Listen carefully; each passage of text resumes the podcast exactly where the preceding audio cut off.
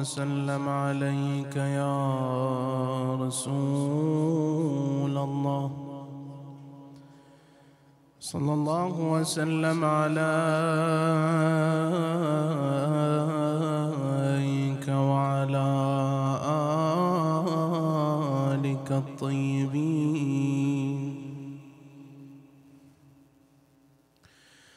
الطاهرين.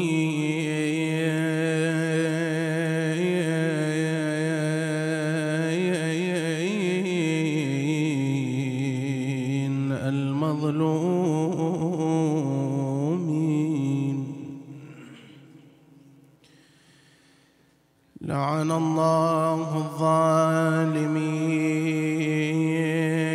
لكم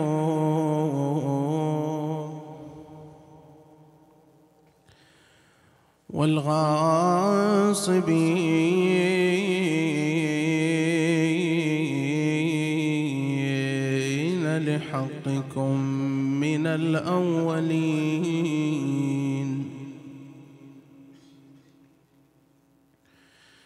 والآخرين إلى قيام يوم الدين.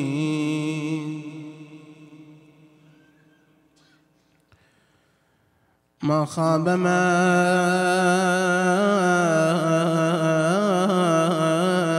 تمسك بكم أمنا من لجأ والتجأ إليكم. يا ليتنا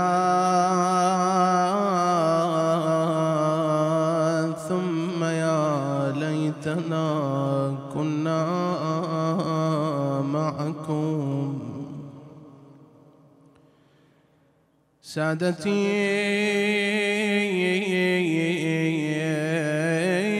فنفوز فوزا عظيما.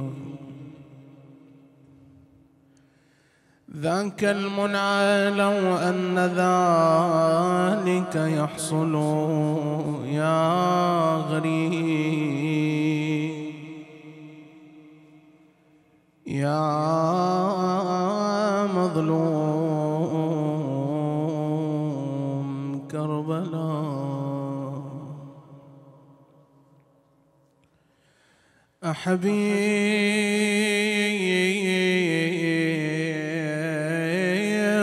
أنت إلى الحسين.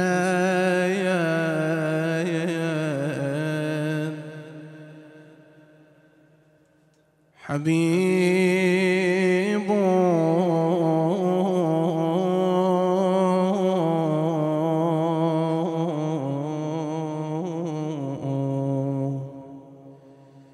إن لم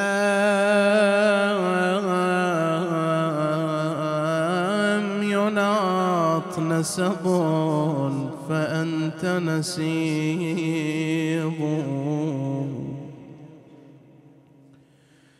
يا مرحبا. يا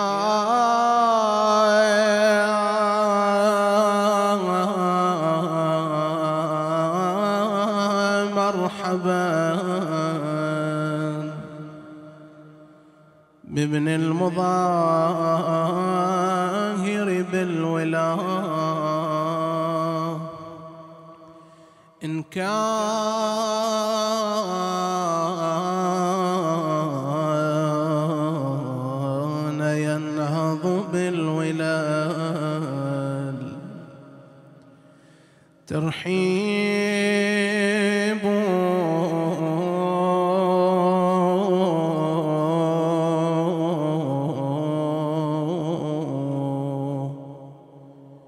بأبي المفدي نفسه عن رغبة أيوا حبيبا. بأبي المفدي نفسه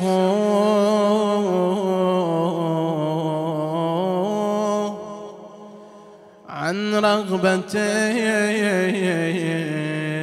لم يدعه ترهيب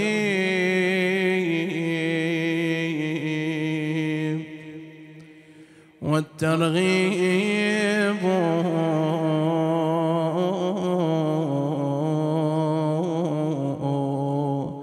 ما زاغ قلب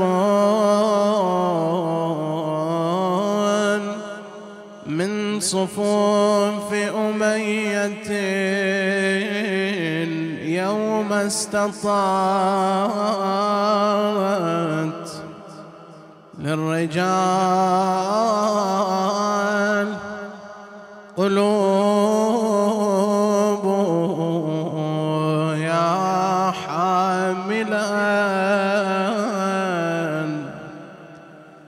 يا حاملا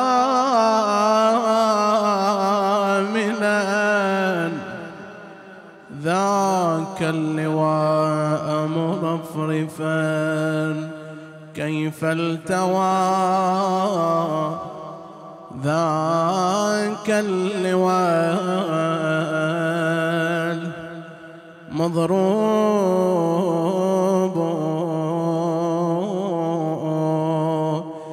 تناول حبيب العلم من شف الشفية. وهز بيمينه وصاح طابت للمنية.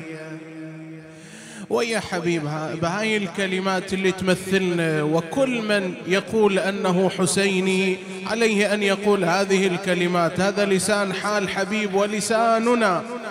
نقول له عايف حياتي والأهل لجلك يا صنديق. وتشهد صناديد الحرب عند الحرب عيد. موت بمعزة ولا نعيش بطاعتي زيد. يا ابن الرسول وطاعتك فرض علي. أريد كلنا نقرأها. والله يا أبو السجاد ما فارق جمالك. والله يا بن بنت النبي لو قطعوني بالسيف والخط وبالنار احرقوني. وذر وعظامي بالهوى وتال انشروني. سبعين مرة هالفعل يجري علي. أسألك تترك الحسين.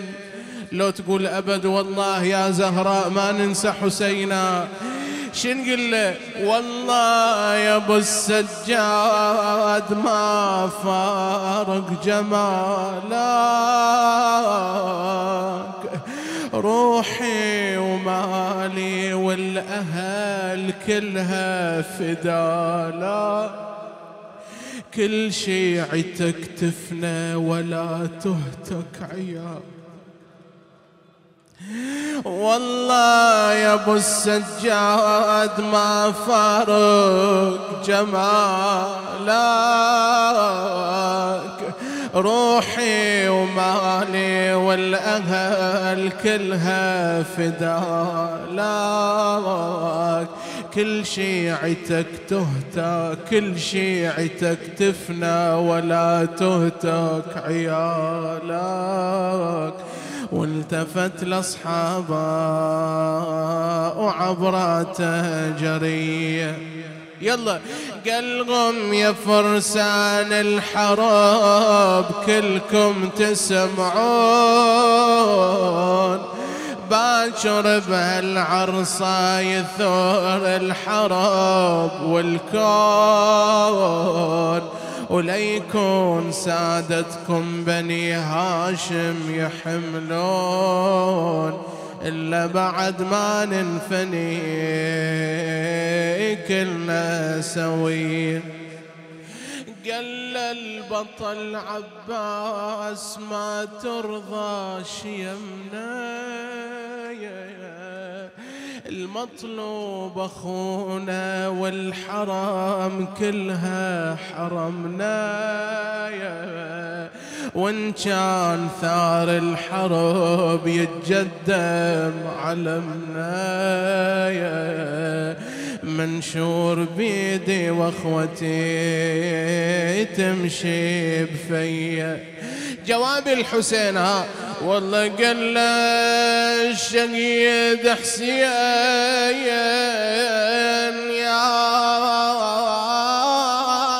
ظنوة الكرار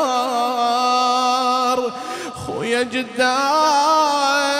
يا من خلغه يا خويا تفوت الأنصار.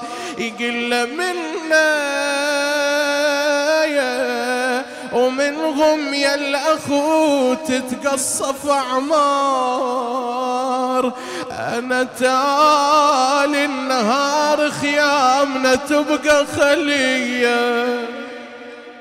إي والله تالي النهار خيامنا يا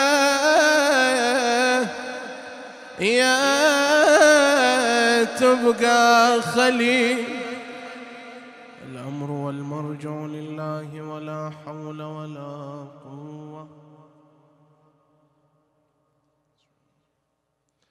إلا بالله العلي العظيم.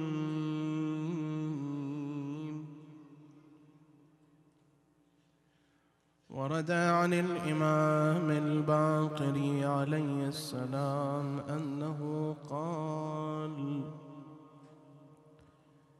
يا أبان اجلس في مجلس المدينة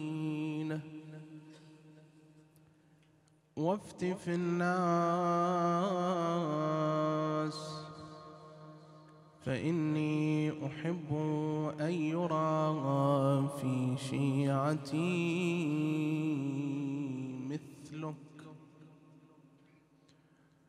رحم الله من ذكر القائمة من آل محمد.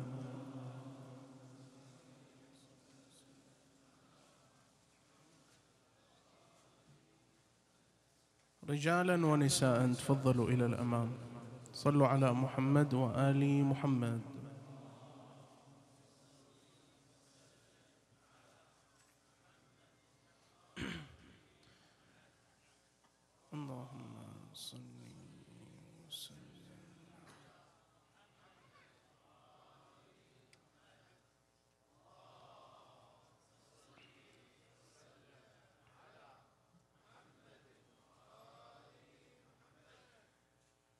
عنوان حديثنا لهذه الليلة الأدلة على ضرورة التقليد. وقبل البحث في الأدلة لا بأس بمقدمة من خلالها نتوصل إلى فكرة الحديث وفكرة الموضوع. لا شك ولا ريب أحبتي أن هنالك اليوم من الشباب من لا يعرف معنى التقليد بل أنه لو سألته من تقلد لقال لك لا أعلم. هذه مشكلة. لماذا؟ لأن جميع الفقهاء في أول الرسالة العملية ولعله أول المسائل يأتون بهذه المسألة أنه يجب على كل مكلف لم يبلغ رتبة الاجتهاد أن يكون إما مقلدا أو محتاطا. فكيف له أن يعمل ويتعبد ويصلي ويصوم ويفعل كل ما يفعل وهو لا يعرف معنى التقليد؟ عندنا بعض الأحكام الشرعية المسائل الشرعية التي تأتي لبيان أن شرط صحة العمل والتقليد شرط من شرائط صحة العمل. صليت أريد أن تكون صلاتي صحيحة لابد أن يكون تقليدي صحيح. أو لابد أن أكون مقلدا لا أقل. زين. الكلام اليوم كيف نستدل على ضرورة التقليد؟ بطبيعة الحال الأدلة كثيرة جدا لكن ما سوف أقف عنده فقط دليلان. الدليل الأول وهو أن المعصوم صلوات الله وسلامه عليه هو الذي شرع لنا أمر التقليد. بطبيعة الحال كلنا نعلم أن التشريع إما بالقول وإما بالفعل وإما بماذا؟ بالتقرير اللي هو الإمضاء. ثلاثة أمور من خلالها يشرع المعصوم. في أمر التقليد نرى أن المعصوم قد لجأ إلى القول وإلى الفعل. بل أنه أيضا نجد في بعض الحالات هنالك إمضاء. وهذا كله لبيان أن التقليد أمر ضروري بل هي مسألة في غاية الأهمية. الآن قد يكون أغلب الموجودين من هذا الطرح يتعجبون شلون التقليد في زمن المعصوم شلون المعصوم يشرع بأمر التقليد. هو شنو وظيفته؟ هو وظيفته أن يعلم الناس الأحكام الفقهية أن يعلم الناس الحلال والحرام. هاي وظيفة المعصوم. شلون بعد يجعل هنالك زين فقهاء أو مثلا يجعل هنالك مراجع مثل ما نسميهم اليوم ويجعل الناس يقلدونهم. أقول لك صحيح. الإمام وظيفته تعليم الناس الحلال والحرام هذا صحيح. لكن أيضا يبين الإمام الصادق عليه أفضل الصلاة والسلام إلى ضرورة التقليد في رواية جدا لطيفة. أغلب كتب الحديث ينقلون هذه الرواية. يقول علينا أن نلقي عليكم الأصول وعليكم أن تفرعوا. كتعليق أذكرها لأحد الفقهاء يقول وأما التفريع على الأصول فهو الاجتهاد. راجعوا أحبتي كلام الفقهاء في هذه الرواية. ستجدون غالبية الفقهاء هذا هو رأيهم في الرواية هذا هو فهمهم من الرواية. أصول وفروع شنو أصول وفروع؟ بعض قد يقول أصول الدين وفروع الدين هذا غير صحيح. شو الإمام يقول علينا أن نلقي عليكم الأصول؟ يعني الأصول خذوها منا وأما الفروع بعد أنت ونفسك أنت بكيفك ما يصير. لأن من الفروع الصلاة من الفروع الصيام. صار الواحد بكيفه هذا اللي بيصلي ركعة في اليوم وهذا اللي بيصلي ألف ركعة في اليوم. كيف أخو إذا صار الأمر بكيف الواحد؟ صار الحج مو لازم بوقت معين لا. أنا بكيفي خو أنا أفرع. إذا أنا أصدر أي فرع من الفروع أو أنا أغير في الفروع لأن هذا راجع إلي أنا. لا الكلام ليس هو هذا. لهذا أحد الفقهاء حينما يأتي إلى الرواية يقول وأما التفريع على الأصول فهو الاجتهاد. ما سامع اليوم عندك مجتهد فلان مجتهد بلغ إلى رتبة الاجتهاد كما هي في المسألة المتقدمة. يعني شنو؟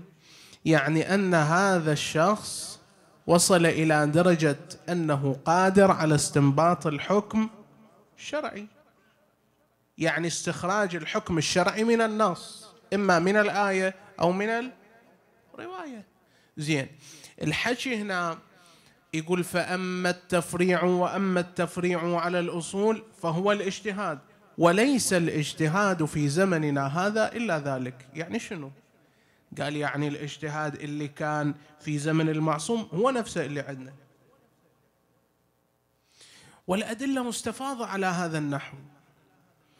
الإمام الباقر سلام الله عليه يقول إلى أبان يا أبان اجلس في مجلس المدينة وافتي في الناس فإني أحب أن يرى في شيعتي مثلك قل له روح اقعد في مجلس المدينة وافتي في الناس مو ارشد الناس إلى الفتوى لا أنت افتي في الناس. مو مثلا احفظ الحكم مني زين وانقله للناس لا أنت افتي يعني بمعنى أنك عندك قدرة. أبان كان فقيه. أبان بن تغلب كان فقيها وغيره من الفقهاء. زكريا بن آدم القمي على سبيل المثال للحصر اللي أحدهم يجي إلى الإمام الرضا سلام الله عليه يقول له إني آتي إليك من شقة بعيدة فممن آخذ معالم ديني؟ ماكو طريقة إلا هاي الطريق. يعني لازم حتى آخذ الفتوى بعد لاكو كان واتساب بذاك الوقت ولا اتصال. لازم أقطع هذه المسافات كلها قال خذ من زكريا بن آدم القمي المأمون على الدين والدنيا. يونس بن عبد الرحمن والحكي خب يطول على هذا المستوى. هؤلاء كلهم كانوا فقهاء. وكان المعصوم يرجع الناس إليهم يقول تفضل ارجعوا إلى هؤلاء لأن هؤلاء فقهاء. عندهم قدرة على استنباط الحكم الشرعي يعني قلدوهم. والتقليد لغة هو الاتباع. تقليد من معاني التقليد لغة والاتباع. أقلد فلانا يعني أني أتبعه. هذا الدليل الأول نروح إلى الدليل الثاني. الدليل الثاني ضرورة التقليد اليوم. عرفنا بعد من زمن التشريع. وإن كان هذا ثابت أن في زمن التشريع المعصوم شرع أمر التقليد. بعد يعني هذه ما يحتاج الكلام حولها بما تقدم. لكن الكلام الضرورة اليوم اليوم شلون أنا أقول عنه ضرورة؟ نقول لا أقل أستخدم دليل عقلي وهو أن التقليد هو سيرة العقلاء. تقليد على مر العصور مو على مر السنوات قبل الإسلام. والتقليد هو سيرة العقلاء. شنو سيرة العقلاء؟ يعني أن غير المختص يرجع لمن؟ المختص. هذا المعنى معنى خلينا نقول فطري إن صح التعبير. معنى بديهي. الإنسان يرجع إلى أهل الاختصاص. أنا مو كهربائي شلون بالله أركب آه، كهرباء أو أسلك كهرباء؟ ما أقدر. أنا مو مهندس شلون تريدني أبني بيت؟ ذا يومين ويوقع إذا قام بعد. زين. أنا مثلا ما عندي يعني آه، ذاك الاطلاع في أمر الدين. شلون بالله تريدني أفتي إلك؟ أنا لست عالم لست فقيه. لهذا أمر الاختصاص هو أمر تقليد لأن أنا أتبع منه صاحب الاختصاص. أحتاج إلى الطبيب أروح إليه وأتبعه. ما أدري هو صحيح مو صحيح لك أتبعه. إلى أمر اليوم اللي إحنا لما نرجع إلى أهل الاختصاص ونعتقد أن الفقيه الأعلم هو الذي يكون أعلم أهل زمانه أو الأقدر في أهل زمانه على أن يكون هذا الحكم هو حكم الله. قادر يستنبط حكم شرعي ويكون هو حكم الله. يعني على نحو الاطمئنان. لهذا لما أنا أحكي عن التقليد في أمر في يومنا هذا وسيرة العقلاء. لهذا اليوم نحن نحتاج إلى أمر ان أن يوضح الأمر إلى شبابنا إلى إلى الناس الذين لا يلتزمون بحكم الفقيه. المرجع يقول حرام شنو عليهم علاقة؟ هذا المرجع اليوم يمثل دور النيابة نائب عن الإمام. نائب عن الإمام. يعني ما كان يسري على الإمام يسري عليه اليوم. ومن رد عليكم في أسفل درك من الجحيم يقول الإمام الهادي عليه السلام في زيارة الجامعة. المعنى هذا تماما يسري. ما تقدر ترد على الفقيه. ليش؟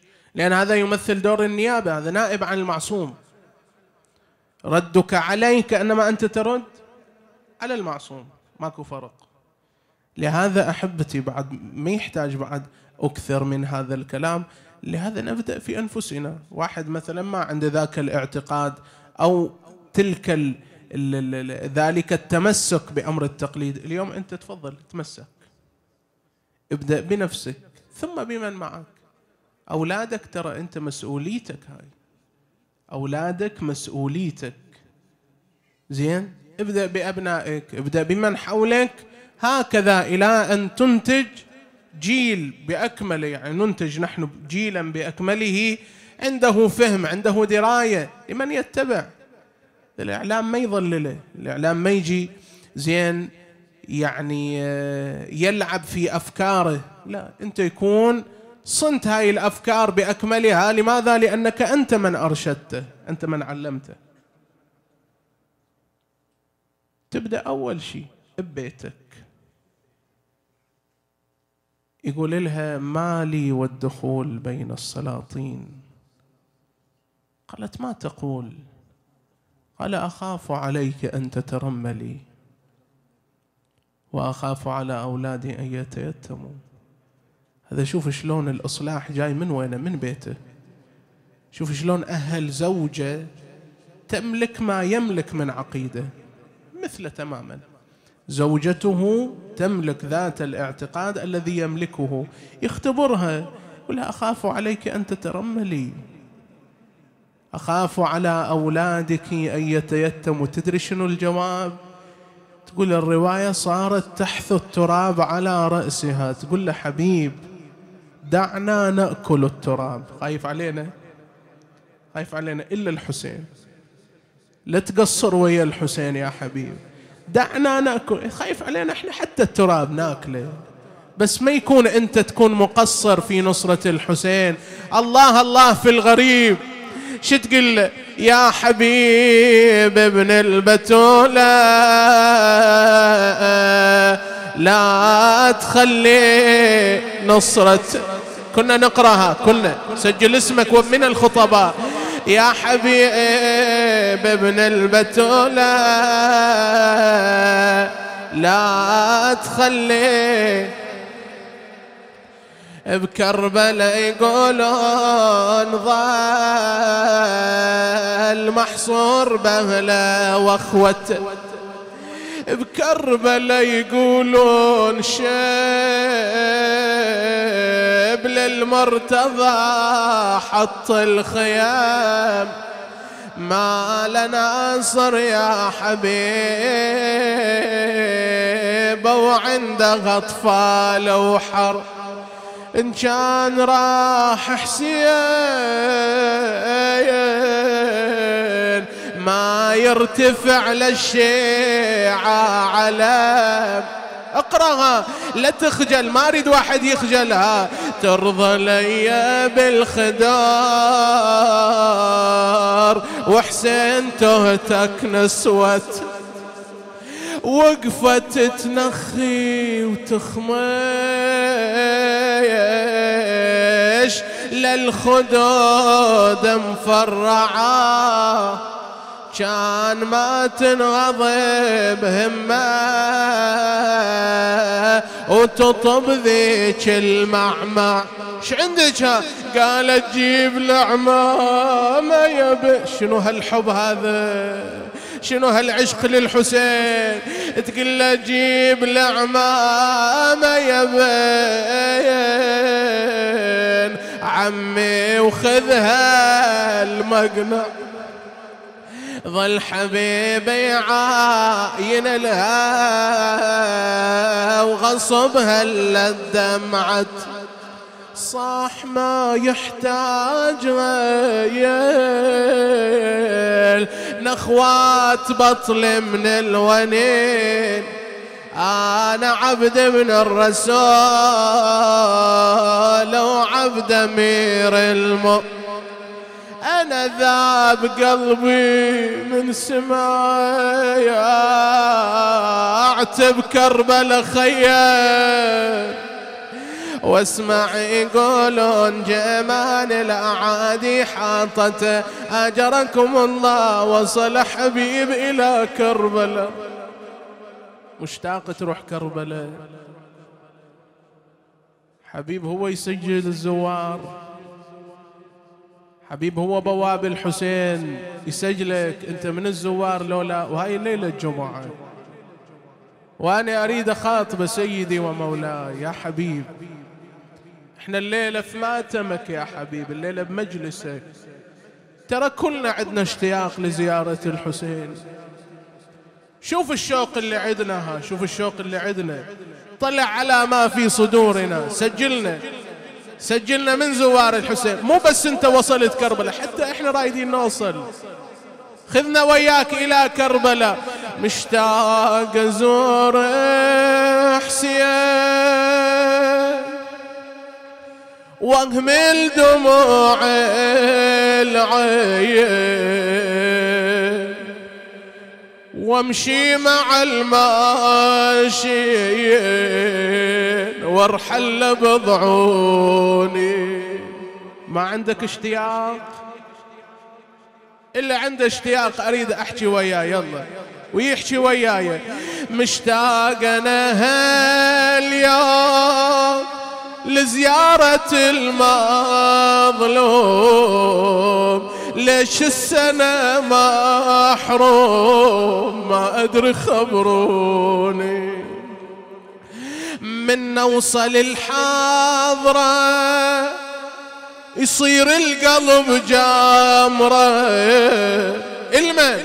للي انطحن صدره. هاي الصرخة. للي انطحن صدره. واصرخ دواسوني. سباج أبو اليمه شفت السباج؟ وصلت؟ سباج أبو اليمه أرد أوصل بهمه وقر النعيم. والدمع بعيوني.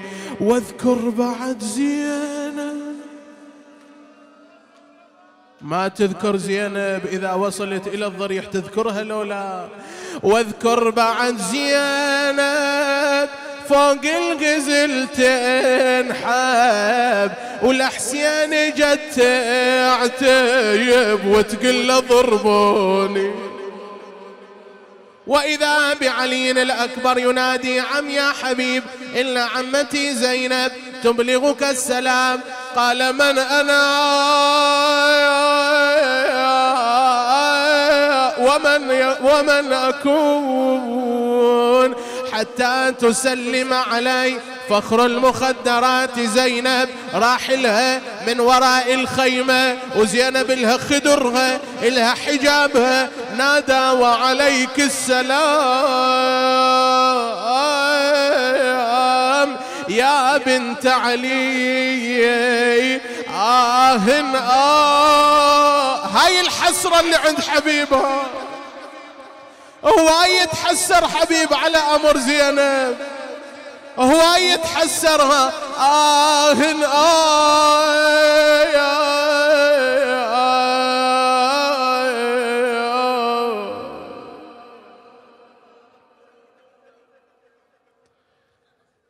تركبين على جمل ظالم بغير غطاء ولا وطاء. قالت وعليك السلام يا حبيب وكأني برأسك معلق على لبان الفرس. الآن أريد قلبك شوية. وبيوم العاشر لما أن نادى الحسين أمام الناصر. وين صوتك أمام المعين؟ آجركم الله يا شيعة. فاستأذن حبيب من الحسين فأذن له. قاتلهم قتال الأبطال. قتل منهم مقتلة عظيمة. آجركم الله إلى أن شد علي الحسين بن نمير برمح طويل. طعنه في خاصرته. فخر إلى الأرض. أجركم الله. وإذا بالتميم جاء إليه. وصل إلى عند حبيب واحتز رأسه. أيوا سيده فنادى وقف على مصرعه الحسين. نادى رحمك الله يا حبيب. فلقد كنت فاضلا تختم القرآن في ليلة واحدة. نعم ها انت ببكائك هذا اكو واحد اكو واحد لازم تواسيه منو هذا تعرفه؟ هواي مؤلم اليوت مؤلم الواحد يشوف عزيز على قلبه بآخر اللحظات. وانت متصور ها وداع العزيز هواي مؤلم. شلون وداع الأب؟ شلون وداع الأب؟ لكن ما تتصور أن تشوف رأس أبوك معلق على على فرس على لبان الفرس تركله الفرس برجليها. مشبه يقول هذا رأس أبويا معقول هذا هو؟ صار يمشي ورا حامل الرأس. التفت اليه ما عندك قال أظن أن هذا هو رأس والدي. اعطيني وياه خل اتاكد بلكت هو رأس والدي. خل اتزود منه. خل أمسح أثر الدماء من على وجهه. أخذ الرأس ضمه. صار يمسح الدماء. وإذا هو رأس ابيه التفت إيش قال له؟ له يا يا يا, يا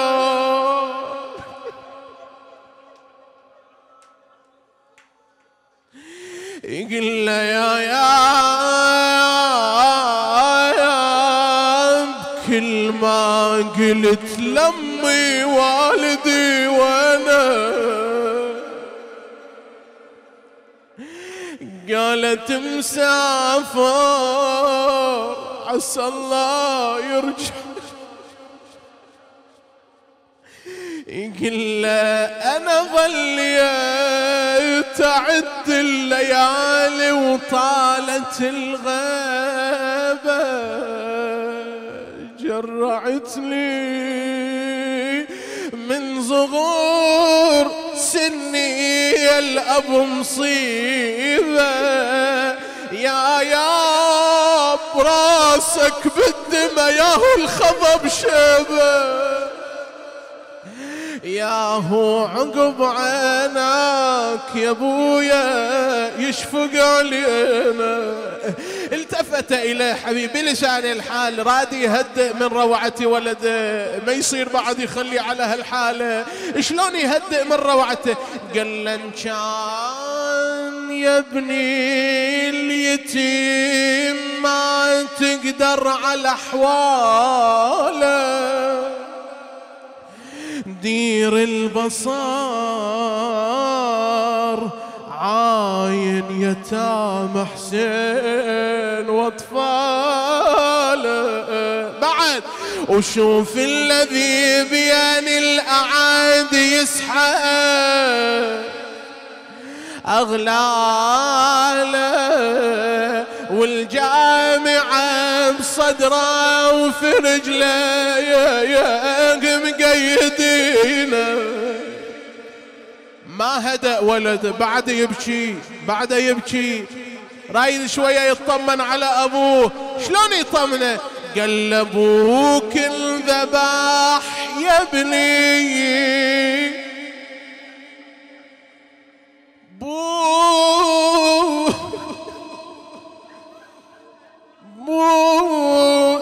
سلوتنا الحسين ها. شنو ما عندك من مصيبة؟ شنو ما عندك من مصيبة؟ اذكر مصاب الحسين. قل أبوك الذباح يا ابني. وظل جسمه على الغبرة وبعد الذبح ما نال مثل مدلل الزهرة. شنو نال الحسين ها؟ شنو صابه قال بالخيل داسوا جثته بالخيل